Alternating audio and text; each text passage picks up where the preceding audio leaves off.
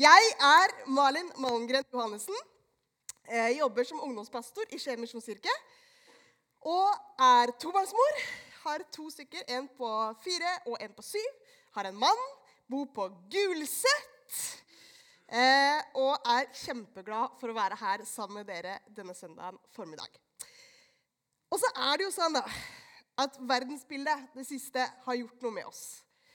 Vi klikker oss inn på forskjellige sosiale medier, og det slår oss liksom i ansiktet. Media har vært prega av utviklinga i Ukraina. Og Det er liksom bilder av krig som fester seg på hornhinna. Og det er så utrolig vondt, alt det som skjer. Og så er det liksom, når jeg tenker det, at det er mennesker dette skjer med. Sånn som deg og meg, som må gjemme seg, som må flykte, som er livredde. Og det gjør så vondt. Det å kjenne på de følelsene der sånn. Samtidig så står vi her i dag i Porsgrunn, og det er fastelavnssøndag. Det er bollesøndag, og vi skal spise boller med masse krem. Og vi skal kose oss. Og det er faktisk en psykolog som gikk ut nå og sa at kos dere! Nyt denne fastelavnssøndagen, for vi trenger fest og glede. Livet er så fylt av kontraster. Og noen sesonger i livet er fylt av glede. Og det kan være forelskelse, eller det kan være andre ting som gjør at bare, å, livet er så bra. Og så kan livet bare være utrolig sårt, vondt og vanskelig. Det er så kontrastfylt, denne verden vi lever i, det livet du og jeg lever. Og midt i alt dette så skal vi prøve å kalibrere og prøve å leve livet vårt best mulig. Jeg må si at jeg, har, liksom, jeg hadde forberedt talen min. Men etter torsdagens hendelse så var jeg litt i tvil. Kan jeg stå og prate om dette nå? Men jeg har liksom fått følelsen at ja, det kan jeg. For det er noe som står fast. Noe som er stødig. Uansett hvordan dette livet behandler oss. I stormen, i kaoset, så er det en relasjon som står stødig. Og det er relasjonen til Jesus Kristus. Eh, og det er litt sånn, Noen ganger kan livet være litt som å gå på en brygge. ikke sant? Det føles ustødig. Man vakler. Men så er det et bilde på at Jesus er som et anker. Og det syns jeg er så utrolig flott bilde på Jesus. Jesus er noe som holder oss fast, selv om grunnen er ustødig. Og jeg er veldig fan av deg, Og en som er litt i samme gata som deg, det er han Trygve Skau. Jeg vet ikke om du har hørt om han. Men han, han jeg tror han har deg som forbilde, rett og slett. Eh, og han sier noe veldig fint om et anker. For han sier det. Klart det er du som skal være ankeret mitt. Hvem vil ha et anker som ikke aner hvordan det ser ut på bunnen? Og det er en beskrivelse av en relasjon. Og så har jeg tenkt på det at Jesus og hans relasjon til oss, det er ikke bare noe sånn overfladisk. Men Jesus, når han levde her på jorda, så var det virkelig tøffe tak for Jesus. Og han fikk virkelig være på bunnen. Han var flyktning. Han ble erta, han ble mobba, han ble pressa, han ble frista. Kompisene hans, når det virkelig gjaldt, da svikta de totalt. Han ble pint, han ble korsfesta, han ble drept. Er det noen som vet hvordan det er på bunnen, så er det Jesus. Og det gjør noe med det utsagnet at Jesus er vårt anker. For det blir solid. For han har vært på bunn. Han vet hvordan det er der. Og Derfor så er ikke bare den Når vi sier at Jesus ønsker en relasjon, så er ikke det bare svada. Men det er noe ekte. Jesus ønsker en relasjon til deg og meg. Og så er det for oss mennesker Jeg vet ikke med dere, men veldig ofte så er man litt sånn opptatt av å gjøre. Prestere. Vi skal fikse. Og så kaller Gud oss noen ganger til å ha en relasjon til Jesus hvor vi bare kan få være. Og det er så deilig. Og nå skal jeg ta det med på en historie inn i mitt liv hvor dette ble veldig stort for meg. Jeg jobba før i barnehage, i Bøler barnehage, eh, samtidig som jeg var prest i Gulset kirke. Det er en veldig fin kombinasjon. Eh, men det hendte da at på fredag, når du jobber i barnehage, så er ofte fredagene da er du sliten. Da er det litt tungt. Eh, og det var det liksom også denne fredagen. Jeg hadde hatt en fin jobbuke, men kjente liksom åh, nå hadde det vært deilig å legge seg ned på sofaen, se på gullrekka, spise fredagstaco og liksom kose seg sånn som fredagen skal være. Men siden jeg hadde kombinert jobb, så var det hjemom, skifte, pakke og reise videre. For jeg skulle med ungdommene på Get Focused. Og I utgangspunktet så er det bare helt utrolig bra. Get Focused er dritbra. Men jeg var litt sånn «Ah, Jeg vet ikke helt. Jeg har mest lyst til å være hjemme med familien min, sliten etter uka.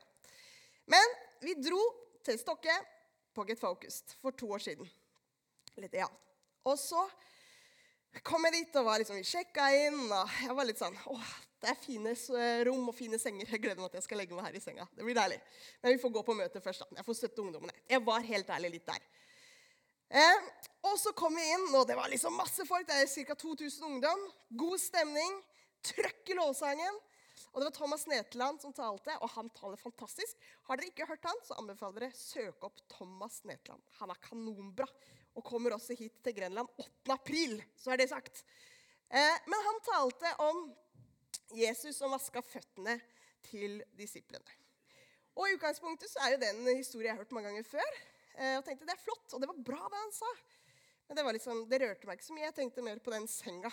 Og gleda meg til å kjøpe litt potetgull og sette meg i senga og kose meg.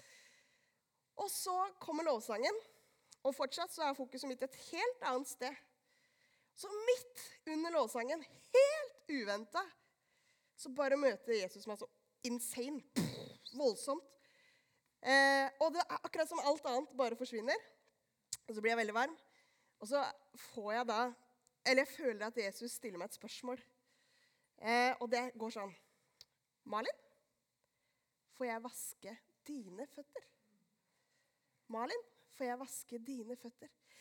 Det var så greit å høre om at Jesus vaska Peter sine føtter. Det var veldig greit å relatere seg til. Men Jesus vil vaske mine føtter. Og Jesus han ønsker å vaske dine føtter. Tenk for en ekstrem relasjon han er ute etter. Og han er ute etter at du bare skal kunne få lov til å være i hans nærhet. Og ikke alltid prestere, ikke alltid gjøre. Bare få lov til å være, bare få lov til å ta imot. Det ønsker Jesus for din relasjon. Han vil vaske dine føtter.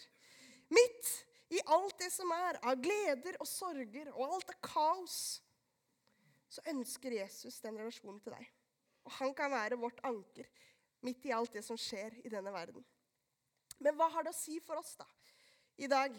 Ok, Jesus ønsker en relasjon til oss. Hva vil det si for meg? I dag, i 2022. Og det første er Jesus har akseptert deg på grunn av nåden. Det er det første. Ting som er gratis, det er sjelden god kvalitet. Jeg vet ikke, eh, Når du får gratis kaffe, så er det gjerne litt sånn utvanna kaffe. Den er liksom aldri veldig god. Det kan hende, men det er sjeldent. Eller hvis du får en sånn sjokolade, en sånn gratis sjokolade. Det smaker jo bare sukker eller papp. De er ikke veldig gode. Eller hvis du har lasta ned en app, f.eks., så er det sånn Å, det er gratis. Og så er det sånn Syv dager, og så må du betale 69 kroner i måneden. Ikke sant? Ha-ha, det var gratis litt, men det var ikke lenge. Og så tenker man at hm, er gratis bra? Når man sier at nåden er gratis, så kan det være litt sånn Jeg vet ikke helt. Nåden er ikke gratis fordi at det er et billig skvip, eller at det er noe man må si halve sannheten, eller at det er en sånn slags limit edition. Men nåden er gratis fordi den er allerede betalt for. Og det er en veldig stor forskjell. Jesus han betalte for din og min straff på korset. Og da han hang på korset, så ropte han, 'Det er fullbrakt'. Og Det er et ord som jeg liker ekstremt godt, som er liksom en av de flotteste ordene jeg vet om. Og det er rettferdiggjort. Det Jesus gjorde på korset, det er rett, det er ferdig, og det er gjort. For deg og meg, for at vi skal kunne ha en relasjon til Jesus. Og det er denne nåden som skiller evangeliet om Jesus fra andre religioner. Og I mange religioner så sier man at eh, man må gjøre mange ting, mange gode gjerninger, og så kommer man til en slags frelse. Og sånn er det mange som jeg tror tenker også generelt i livet. At man må gjøre, prestere, fikse, leve godt. Og så kommer det kanskje en frelse langt der framme. Jeg gjør, dermed blir jeg akseptert. Sånn er det mange som tenker. Jesus han snur det hele på hodet. Og så sier han, 'Du er akseptert.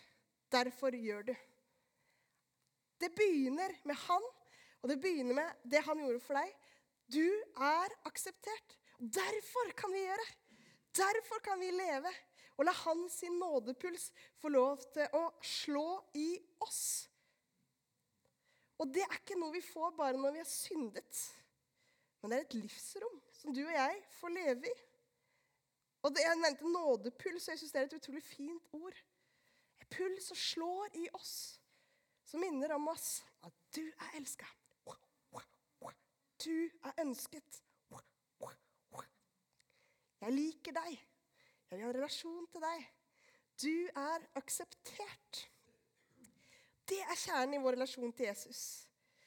Denne nåden kan vi få lov til å ta del i fordi den er allerede betalt for. Og han ønsker å vaske dine føtter. Uansett hvem du er, uansett hva du har gjort, uansett hva du kommer inn her med, så ønsker Jesus å vaske dine føtter fordi du er akseptert for det Jesus døde på korset for deg. For det er rett, det er ferdig, og det er gjort. Og da er et spørsmål til deg. Du er akseptert. Er det vanskelig å akseptere? Da skal vi neste. Jeg sliter litt med, med den. Har, kan du styre den der ned? Hvis du tar neste. En til. Så skal vi lese en bibeltekst sammen. Ja, en til, ja. Der har vi den. Markus 1, 40-43. Ikke valgt dette bare fordi jeg har en gutt som heter Markus, men litt. En mann som er spedalsk, kom til ham, falt på kne og ba om hjelp. Om du vil, kan du gjøre meg ren? Jesus fikk inderlig medfølelse med ham, rakte ut hånden og rørte ved ham. Jeg vil, sa han, bli ren. Og med det samme var spedalskheten borte, og mannen ble ren. Det er en fantastisk tekst. Dette er en av mine yndlingshistorier. Jesus han har akkurat holdt tidenes eh, mest kjente historie, bergprekenen. Og det er liksom startskuddet på hans karriere.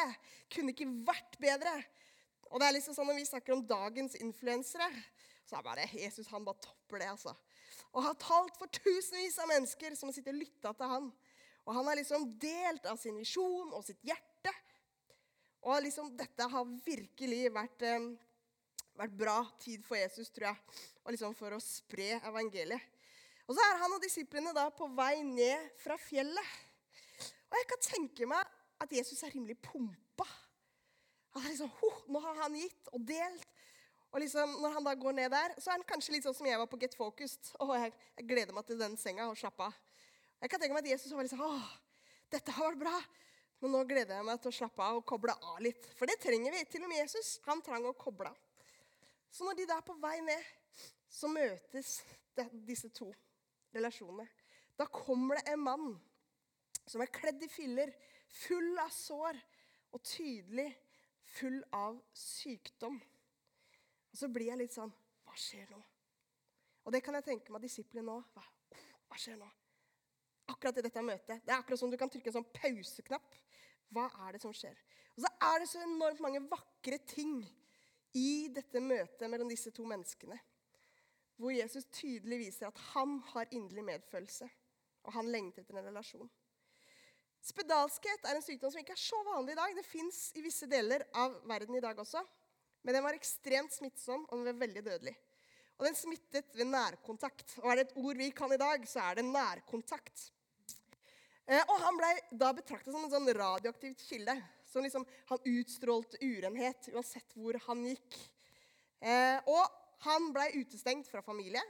Han ble utestengt fra gudstjenesteliv, gudstjenesteliv, landsbyen.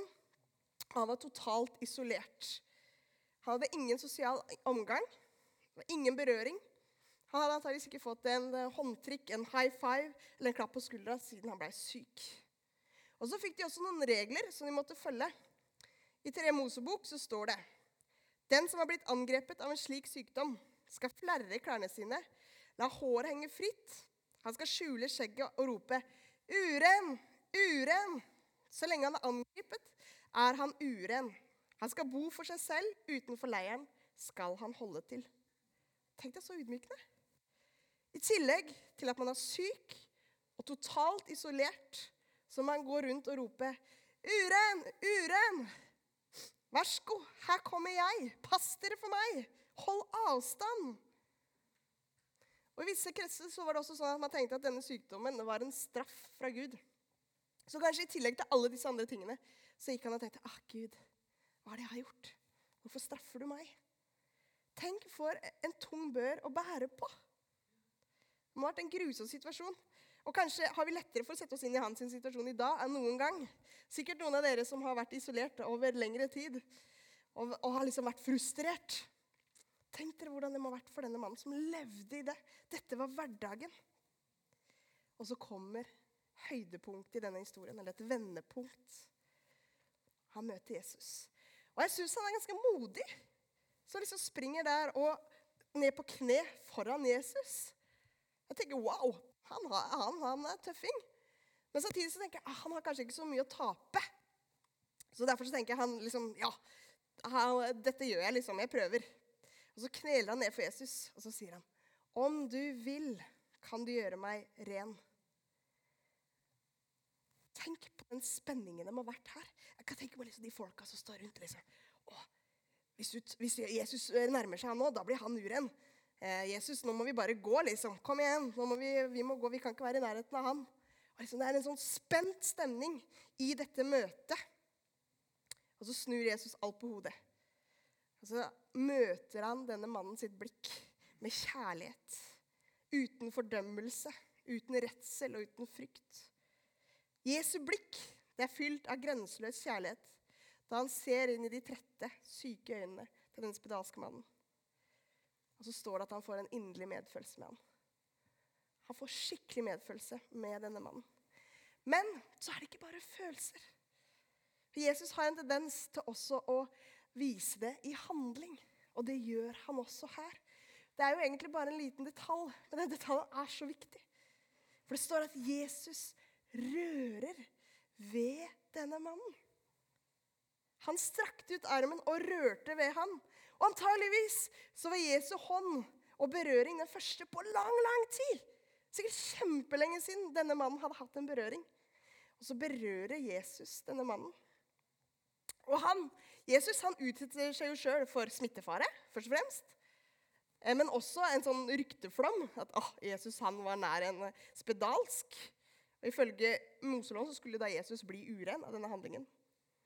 Men Jesu rene hender berører denne mannen. Tenk hvor utrolig godt det må ha vært. Og så stopper det jo ikke der, da. For når Jesus først har gjort det utenkelige og Jeg kan tenke meg en liksom skikkelig spent situasjon rundt her nå. Så gjør også Jesus det umulige, nemlig at han blir helbredet. Hans renhet, Jesu renhet, visker bort denne mannens urenhet. Og Jesus han så ikke bare en sykdom. Han så ikke bare en døende mann som det skulle bli godt å bli kvitt. Men han så en mann som han kunne bygge en relasjon med. En som trengte hans omsorg. Og gjennom inderlig medfølelse, berøring og ord så ga Jesus denne mannen det han trengte. Det er fantastisk. Og Jesus har inderlig medfølelse med deg. Jesus han strekker ut hånden mot deg. Han vil tørke dine tårer. Han vil danse med deg når det er bra gøy. Han vil spise boller med deg. Han ser deg.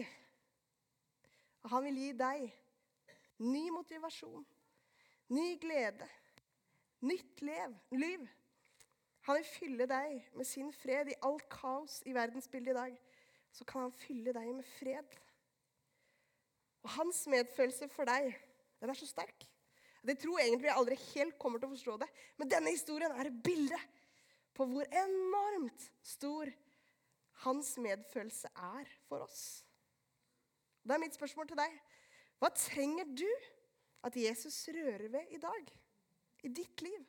På hvilken områder i livet ditt kjenner du at 'Å, Jesus, her trenger jeg at du rører ved meg'. Her trenger jeg din hånd. Og så er det det treet som jeg også blir utrolig fascinert av. Og det er det at verdens frelser, kongenes konge, ønsker å være en del av din hverdag. Da vet du. Kult.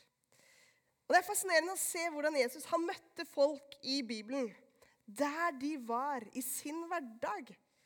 Og Nå skal vi se Jesus sitt første eh, møte med Peter.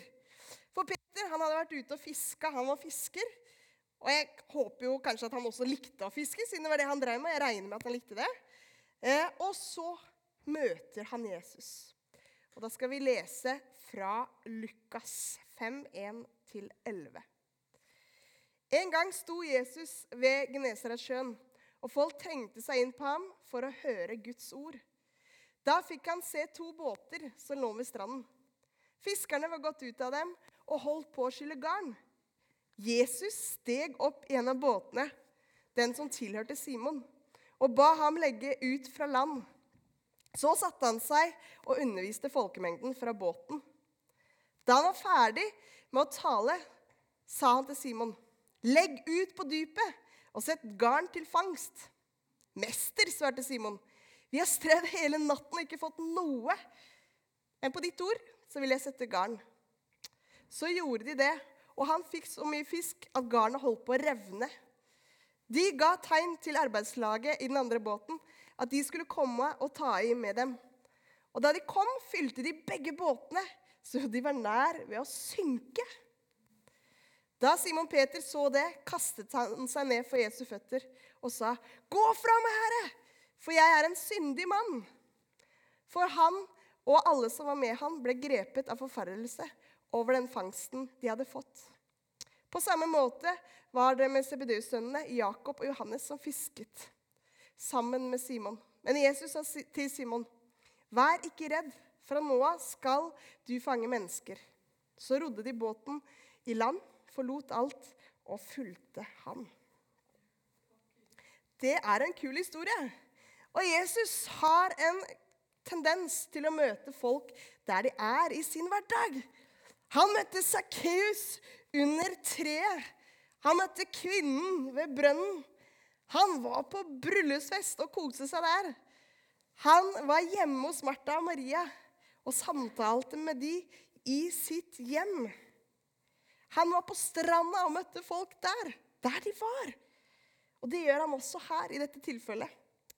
Så det, Jeg syns det er litt stilig at det står liksom at Jesus han går om bord i en av båtene.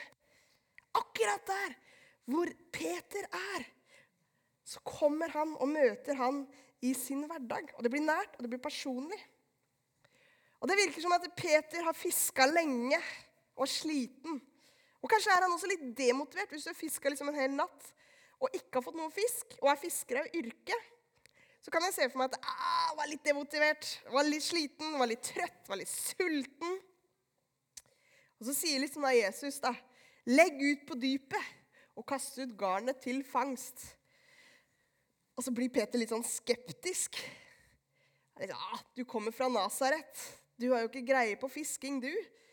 Å kaste ut garnet på lyse dagen og tillegg på dypet. Hva er det du snakker om, du? Hvem er du? Og så tenker han ah, jeg vet ikke om jeg vil dumme meg ut. Men ok da, siden du absolutt vil det, så legger jeg ut og gjør som du sier. Og så han adlyder det Jesus minner ham på å gjøre. Og så blir det jo bare en kjempefangst. De må jo få bare masse folk til å komme og hjelpe til. Det andre arbeidslaget må komme. Dere må hjelpe oss! Vi har fått så mye fisk! Så kommer de inn til land. Og så glemmer Peter nesten hele fiskefangsten. Han lar seg, de andre ta seg av den. Og litt sånn er Peter. Han er en impulsiv type. Og så begynner han kanskje å skjønne hm, her er det noe spesielt. Hvem er denne mannen? Og så kaster han seg ned for Jesu føtter. Som er veldig typisk Peter, altså. Dette er typisk Peter å kaste seg ned og liksom Å, jeg er helhjertet! Jeg går all in! Og så sier han, 'Gå fra meg, for jeg er en syndig mann.' Kanskje har du tenkt det i ditt liv også? Å, Jesus, gå fra meg. Jeg er ikke verdt å elske. Jeg gjør så mye dumt. Jeg driter meg ut mange ganger. Gå fra meg. Og så møter Jesus denne mannen, altså Peter, på en så fantastisk måte. For han sier, 'Peter, vær ikke redd.' Tenk deg så deilig det må ha vært være å få Peter å høre. Og det sier Jesus også til deg. Hvis du kjenner 'Å, Jesus, jeg er ikke verdt å elske'. Du, jeg ser deg. Ikke vær redd. Jeg elsker deg. Jeg ønsker tid med deg. Jeg ønsker relasjon til deg. Og så sier han da Fra nå skal du fange mennesker. Og Jeg ser for meg liksom sånn Pokémon Go, hvor man går og fanger Pokémons. Nå skal man gå og fange mennesker. liksom Det ser ut som et spill. Og så blir jeg litt sånn Nei, Jesus, hva mener du med dette? Fange mennesker? Det høres jo litt crazy ut. Men i en annen versjon så står det 'være menneskefiskere'. Og det gir litt mer mening.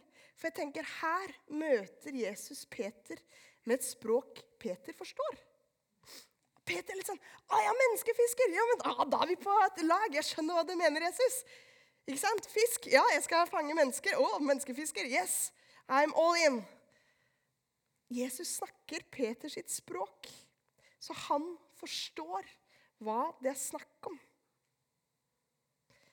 Og Så forlot de alt og fulgte ham. Plutselig så bare legger da Peter fra seg alt, og så følger han Jesus. Og så får han en nær og god relasjon til Jesus. Jesus møter Peter i sin hverdag, der han er, i det han elsker å gjøre. Og så bruker han et språk så Peter forstår. Jesus møter deg der du er, i din hverdag. Jeg tror vi er veldig lett for å tenke at åh, hadde det bare vært da jeg var 18 år og hadde Jesus Freak på buksa, da hadde det vært lett å ha en relasjon. Eller hadde jeg bare jobba i kirka, da, da skulle min relasjon vært så varm. Eller hadde jeg vært misjonær? Men Jesus ønsker å møte deg i din hverdag, der du er akkurat nå. Og dette gikk da opp for meg når vi hadde nedstengning i mars 2020.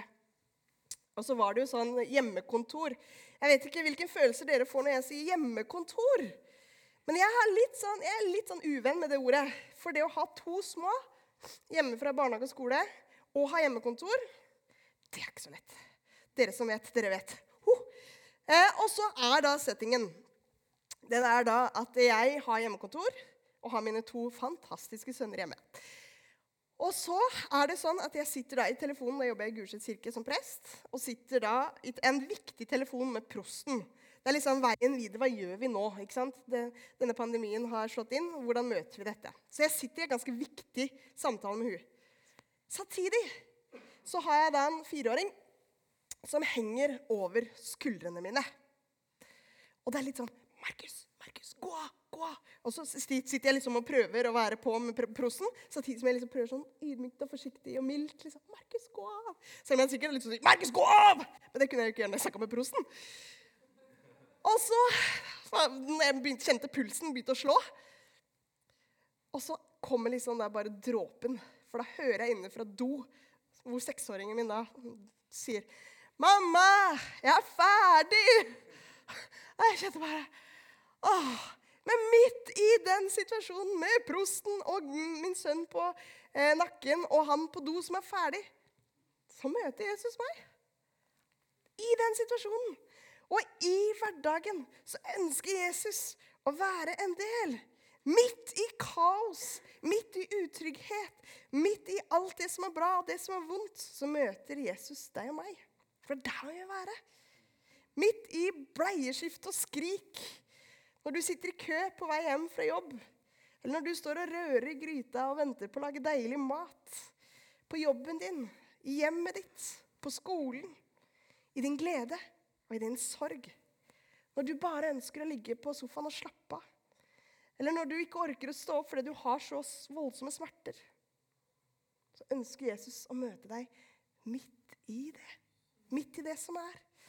Og relasjonen til Jesus det er ikke bare noe som skjer på søndager mellom 11 og 1. Men det er en nådepuls som skjer 24, 7, 365 hele tiden. Det er lengselen til Jesus. Han ønsker å ha en relasjon som er i hverdagen, hvor han får bli kjent med deg. Inviter Jesus inn i din hverdag.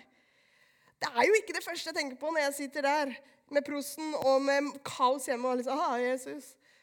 Men det er så fint at Jesus også kan få være en del av det. Og du vet hvor du er i din hverdag, i ditt liv. Inviter Jesus inn der du er. Og be ham om å møte deg der du er nå. Ikke der du var for 15 år siden, 20 år siden. Da alt var så brennende bra. Men si ja, Jesus, her er jeg nå. Dette er mitt liv. Ta imot meg sånn som jeg er. Så hvordan er det med deg og din relasjon i dag? Kanskje har du det veldig bra, og du kjenner at liksom, åh, det spirer og gror, og du er kjempeinspirert. Og kjenner liksom at relasjonen til Jesus den er bare helt topp. Og da sier jeg så fantastisk. Hold liv i den. Men kanskje så vet du ikke helt hvor du er. Du sliter litt, stiller masse spørsmål. Kjennes litt tørt, litt vanskelig, litt langt fjernt. Litt langt unna med alt det der med tro og relasjon til Jesus. Og koronaen har kanskje ikke gjort det så mye lettere. Og det har ikke vært noe fellesskap, det har vært mye nedstengninger. Og kirker har drevet på andre måter. Og du kjenner at jeg vet ikke helt. Kanskje er du en av de som kjenner at åh, jeg lengter tilbake. Jeg lengter tilbake til sånn det var. Jeg var som jeg. Det er jeg ikke lenger. Eller kanskje har du aldri hatt en relasjon. Har liksom aldri forstått helt de greiene med Jesus. Og liksom, ah, catcher ikke helt det med Jesus. Men Jesus lengter etter en relasjon med deg. Han ønsker at du og han skal være ett. Det sier jo Anton og Emil sier jo du og ja. Du og ja, Emil. Du og ja. Jesus sier sånn til deg. Du og ja i hverdagen, midt i alt som er. La oss be. Jesus, takk for at ikke du er en som bare er til stede to timer i uka når det er gudstjeneste. Men du ønsker virkelig å være nær i hverdagen. Jesus, hjelp oss til å invitere deg inn i hverdagen vår. Inn i kaos, inn i alt det som skjer. Hjelp oss til å ha fokuset på deg, Jesus. Og hjelp oss til å hvile, finne rom hvor vi bare lar du få vaske våre ben. Hvor vi bare får være Jesus i din relasjon. Og så ser du eh, hver enkelt person her, Jesus. Du ser hva man kommer inn med i dette rommet. Du ser bagasjen man bærer på. Bekymringene eller kranglene eller det som man har hatt som er vondt. Jesus, sykdom. Og Jesus, jeg bare ber om at du skal komme nå med din hånd og røre. Du vet akkurat hvor hver enkelt trenger å bli rørt i dag, Jesus. Kom og rør ved din ånd, Jesus.